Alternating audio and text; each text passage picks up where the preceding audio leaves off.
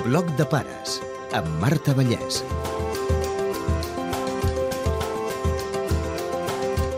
Avui parlem del sobrepès i l'obesitat infantil amb les doctores Norma Irene García Reina i Sandra Gussinyer, responsables del programa Nens en Moviment. Creixerem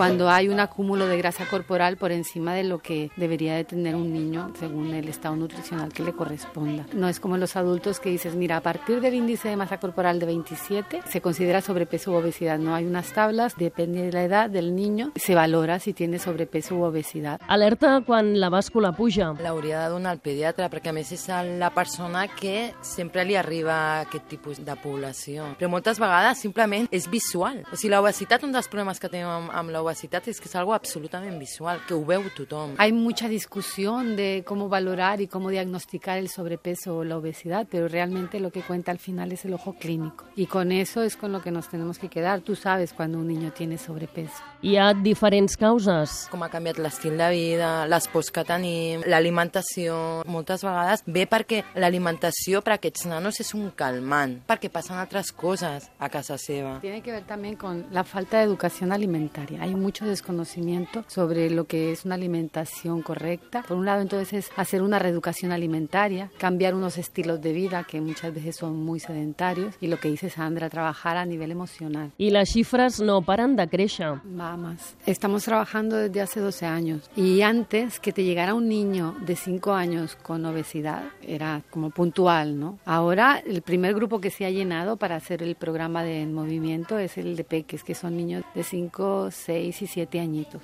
Cada vez aumenta la prevalencia y aumenta también es en rangos de edad menores. I aquí també arriben les retallades. No estem treballant per reduir, començant pel fet de que no s'està invertint en el tractament. Es parla molt, es parla molt de que es necessita, de la prevenció, però no hi ha diners per fer-ho. Eines les tenim per poder treballar. Davant meu tinc un mirall, tot el dia m'escarneix.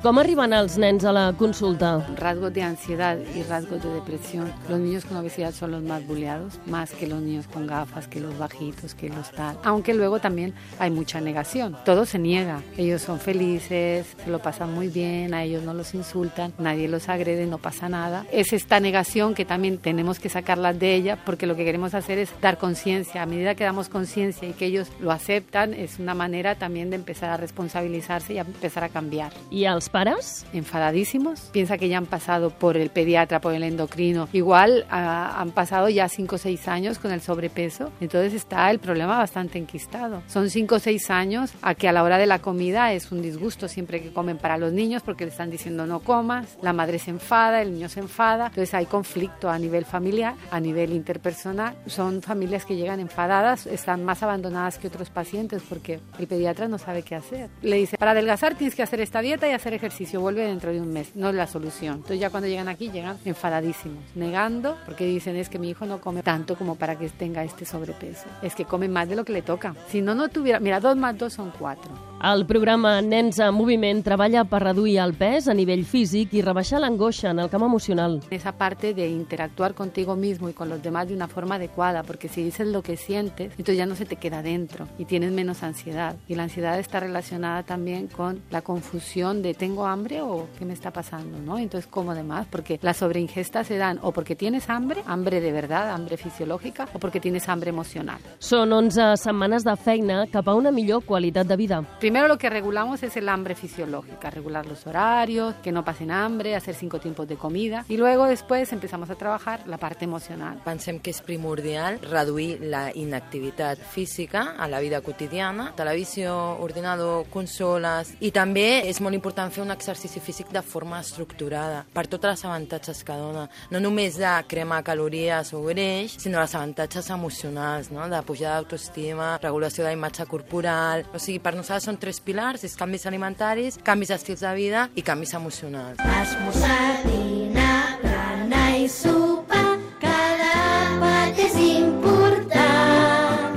és que hem de fer 5 àpats al dia. Todos tendríamos que desayunar, comer, merendar y cenar. Entonces tendríamos que hacer un desayuno completo que consiste en tres cosas, un lácteo, hidratos de carbono y una fruta. El lácteo tendría que ser desnatado, que sería o un vaso de leche o dos yogures, yogur bebible, y los hidratos de carbono que los vamos a tener en las eh, galletas tipo María, biscotes, pan, cereales de desayuno sin azúcar y una fruta que puede ser o bien un vaso de zumo natural o una pieza de fruta que depende del tamaño sería una o dos. I l'esmorzar de mig matí a l'escola. Un entrepà amb un embotit que no sigui gras. Ha de ser un entrepà perquè porta els hidrats de carboni, no? d'absorció lenta, que és el que el- els hi farà aguantar sense gana fisiològica fins al pròxim àpat. A més a més, el teu cos, si cada 3 hores està menjant hidrats de carboni que s'absorbeixen molt lentament, estarà cremant contínuament. La gent es pensa que si no menja, aprima, i és una mica a l'inrevés. El berenar, exactament igual. Dinar i sopar. Tiene que tener cuatro elementos. Un plato de ensalada o de verdura, una proteína, cualquier tipo de carne magra, ya sea ternera, cerdo, huevo, conejo, un hidrato de carbono. Los vamos a encontrar en el arroz, en la patata, en las legumbres, en las pastas y en el pan. Y de postre, pues un yogur o una fruta. És important que aquests nens i nenes no passin gana. La forma no és reduir l'alimentació que els donen, perquè aleshores els nanos passen més gana, passen més ansietat, comencen a agafar menjar d'amagades, agafar diners per comprar coses i que després parin de dir als nanos no mengis, no mengis. Comencen a lo millor amb un tipus d'insults que no són conscients, però és que si continues menjant explotaràs, és que quan anem a comprar roba després com et poses i comences a plorar, crea una tensió al voltant del menjar que no ajuda que el seu fill deixi de menjar, sinó a l'inrevés, encara s'hi provoca més ansietat, més pressió i encara tenen més ganes de menjar. I hem de vigilar com cuinem els aliments. La gent es pensa no, que l'arròs o la pasta engreixa, però no engreixa, són hidrats de carboni que el nostre cos necessita i nosaltres diem que han d'estar presents en cada menjar o dinar. Però clar, si fem l'arròs fregit, sempre els diem a tots els pares, mares, que tinguin molta imaginació. Pensen que per alimentar-se correctament és tot a la planxa i tot bullit. Això està abocat absolutament a l'avorriment. Es pot fer qualsevol tipus de preparació sempre quan controlis el greix, que en el nostre cas i al nostre país és l'oli d'oliva. Són tres cuirades al dia d'oli que tenen per amanir i per cuinar. I la llet i els iogurts? A partir de los tres años el niño puede tomar leche desnatada. La grasa la va a coger de otros alimentos, del aceite de oliva, de la grasa que hay en cualquier tipo de proteína que, que comemos, en el huevo, en la carne, en el pollo, en el pavo, todo tiene grasa. No hay necesidad de la grasa de la leche. O sigui, la llet hauria de ser descremada des dels 3 anys d'edat. Aquella, el greix d'aquella llet no la necessitem, no la necessita el nostre cos. Si ens demanen un suc industrial, No prohibimos nada, pero sí educamos y enseñamos a ver las etiquetas nutricionales. Muchos de estos zumos no son zumos, es agua con colorante y azúcar. Un vaso de agua con siete sobres de azúcar, pues más o menos es eso. Entonces, bueno, aprender a ver las etiquetas. Hay algunos zumos que sí son extractos de, de fruta, pero siempre recomendamos la fruta natural. El zumo de fruta recién exprimido no va a tener ni comparación ni en el sabor ni en la calidad de los nutrientes que tienen, que son naturales.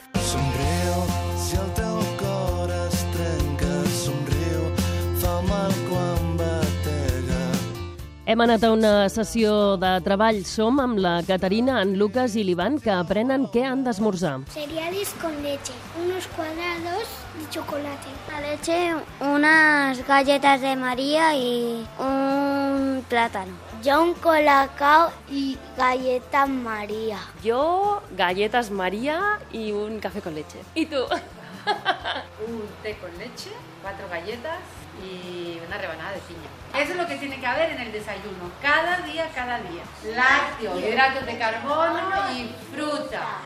I pel que fa als aliments, per l'ànima, comprensió i grans dosis de reforç positiu. És importantíssim perquè tu puguis fer a la vida el que tu vulguis fer. Si tens una baixa autoestima no arribaràs en lloc. Els pares el que tindrien que fer és reforçar als seus fills tota l'estona que puguin la seva autoestima. Els nens no són només un pes. Per tant, sempre tenen coses maques, sempre fan alguna cosa bé, perquè a vegades eh, estem amb, amb els nanos dient és que això ho fas malament, això també, això també, això també, i a vegades els nanos, a part, aquests que hi ha a sobre, estan insultats al col·le i tal, es pensen que no fan res bé. I aquesta part de tant ho fas això, tot això ho fas malament, a lo millor obviar-la. Segurament tindran millors resultats. Les mares i els pares també han de treballar. És un programa estructurat que dura 11 setmanes, hora i mitja setmanal. Tenen un material que han de treballar a casa, fer canvis alimentaris, canvis d'estils de vida i canvis a nivell emocional, en quant a augmentar l'autoestima, sàpiguen contenir quan els seus fills arriben a lo millor pues, tristos. Mai estaràs sol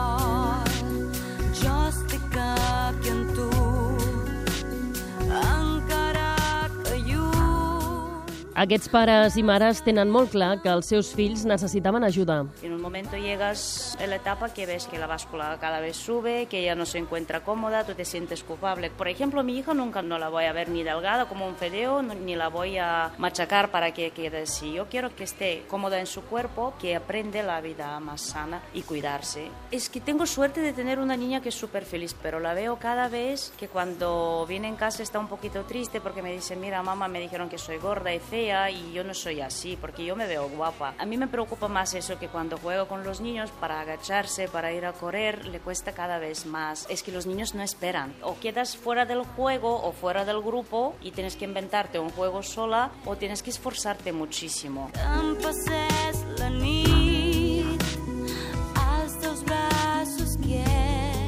Ha sido todo un cúmulo de cosas. También en el colegio ha tenido problemas, se ha metido mucho con él. Es un niño muy tímido, a ti te duele. Tú igual hay días que lo pillas de bajón y dices, claro, los niños son crueles. ¿Cómo le explicas tú que un niño le diga que eres gordo, que está en los vestidores y no se quiere quitar la camiseta? Es un problema tanto para el niño como para los padres. Nosotros vinimos recomendados por su pediatra, intentar cambiar la rutina, aparte de hacer una dieta equilibrada, hacer un poco de ejercicio, que eso él es muy tranquilo, muy pasivo. Yo a veces lo noto un poquito preocupado, calladito y no me cuenta nada.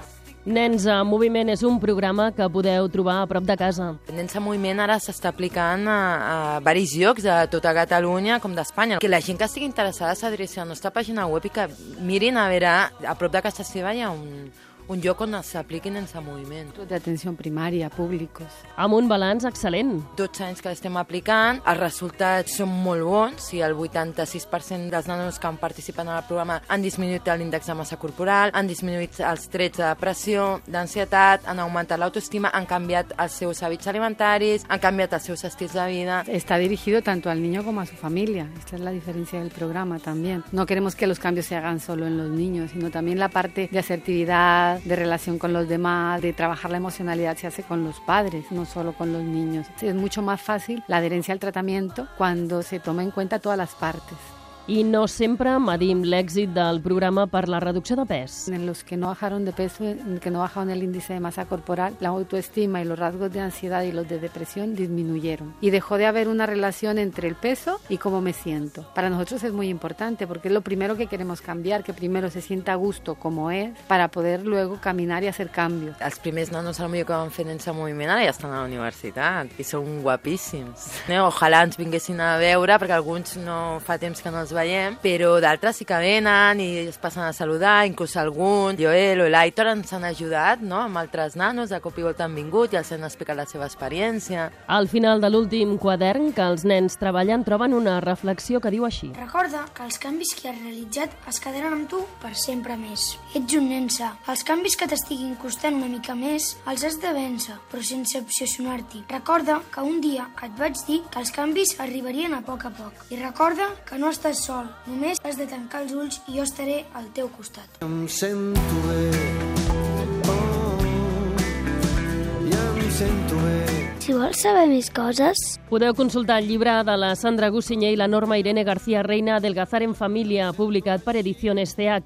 I a internet tota la informació del programa a la pàgina a les 3 dobles en movimiento.net. El 60% de los niños con sobrepeso que no buscan un tratamiento adecuado, el 60% va a llegar a ser un adolescente obeso. Y el adolescente obeso, que no busca la ayuda adecuada, el 80% de ellos van a ser un adulto obeso. Entonces esta también creencia de que con el cambio puberal van a bajar de peso y todo se va a arreglar, sucede en pocas ocasiones. En la mayoría de los casos no. No es jutja ningú, que aprendran moltes coses, que evolucionaran a nivell personal, que a la fi el que a nosaltres ens agradaria és veure gent més feliç al món perquè segurament a nosaltres també es faran més feliços. Que estimin els seus fills, que els hi reforcin les coses positives i que no busquin culpables de lo que ha passat perquè el seu fill hagi arribat a un problema de pes. No és qüestió de buscar culpables, és qüestió de buscar solucions. I em sento bé.